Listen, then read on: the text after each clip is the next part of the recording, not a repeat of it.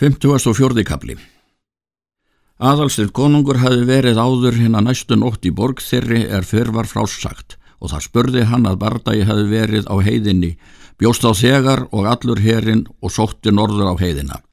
Spurði þá öll tíðindi glögglega hvernig orust að sú hafi farið. Komað þá til fundar við konung þeir bræður Þórólfur og Egil. Þakkaði hann þeim vel framgungu sína og sigur þann er þeir höfðu unnið, hér þeim vináttu sinni fullkominni. Döldust þeir þar allir samt um nóttina. Aðalstill konungur vakti upp hersinn þegar um morgunin árdegis. Hann átti tal við höfðingja sína og sagði hver skipun vera skildi fyrir liði hans. Skipaði hann fylkings sína fyrst og þá setti hann í brjósti þeirra fylkingar sveitir þær er snarpastar voru.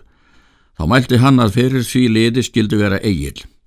En Þórólfur, sagði hann, skal vera með liði sín og öðru því liði er ekki set þar. Skal svo vera önnur fylkingi liði voru, er hann skal vera höfðingi fyrir því að skotar eru jafnan lausir í fylkingu, hlaupa þeir til og frá og koma í ymsum stöðum fram. Verða þeir oft steinusamir um en varast eigi, en eru lausir og velli ef við þeir mér horft. Egil svaraði konungi.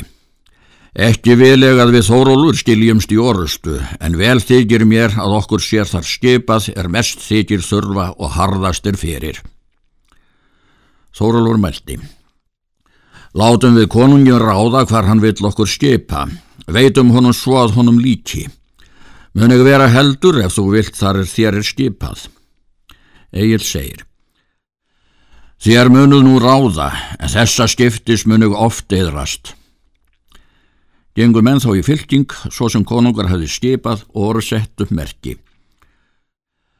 Stóð konungsfylking á viðlendið til árinnar en Þórólsfylking fór hér efra með skóginum. Ólafur konungur tók það að fylgja liði sínu þá er hann sá að aðalstyrn hafi fylgt. Hann gerði á tvær fylkingar og let hann fara sitt merki og þá fylking er hann reði sjálfur fyrir móti aðalsteinu konungi og hans fylking. Hauðu þá hvorir tveggju hér svo mikinn að engi var munur hvorir fjölmennari voru, en önnur fylking Ólafs konungs fór nær skójunum móti liði því er Þórólfur reði fyrir.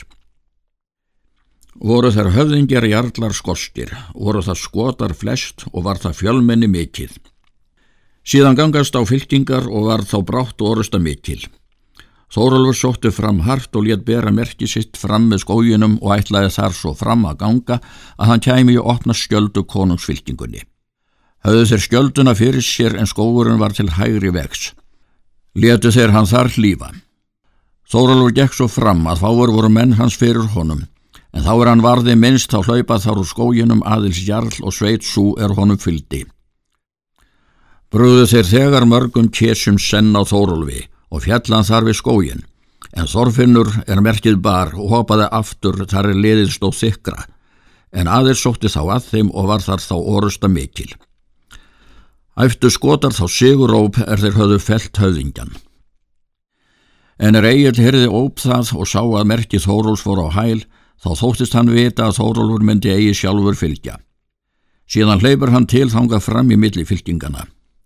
Hann var stjótt var þeirra tíðenda er þar vor orðin þegar hann fann sína menn. Hann edjar þá liði mjög til framgöngu, var hann fremstur í brjóstinu, hann hafði sverðið naður í hendi. Hann sótti þá fram og hjó til begja handa og feldi marga menn.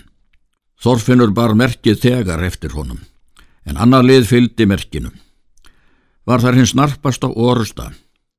Egil gekk fram til þess er hann mætti aðils jarli, áttust þeir fáhaug við áður aðils jarl fjall og margt manna um hann.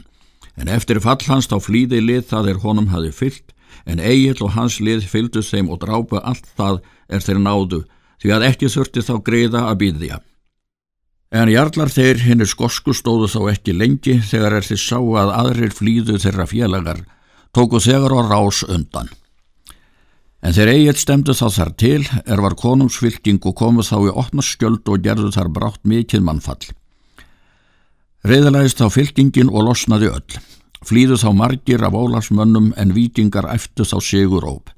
En er aðalstinn konungur þóttist finna að Robna tók fylking Ólafs konungs þá eggjaði hann lið sitt og létt frambera merki. gerði þá aðgöngu harða svo að hrökk fyrir lið Ólafs og gerðist allmikið mannfall.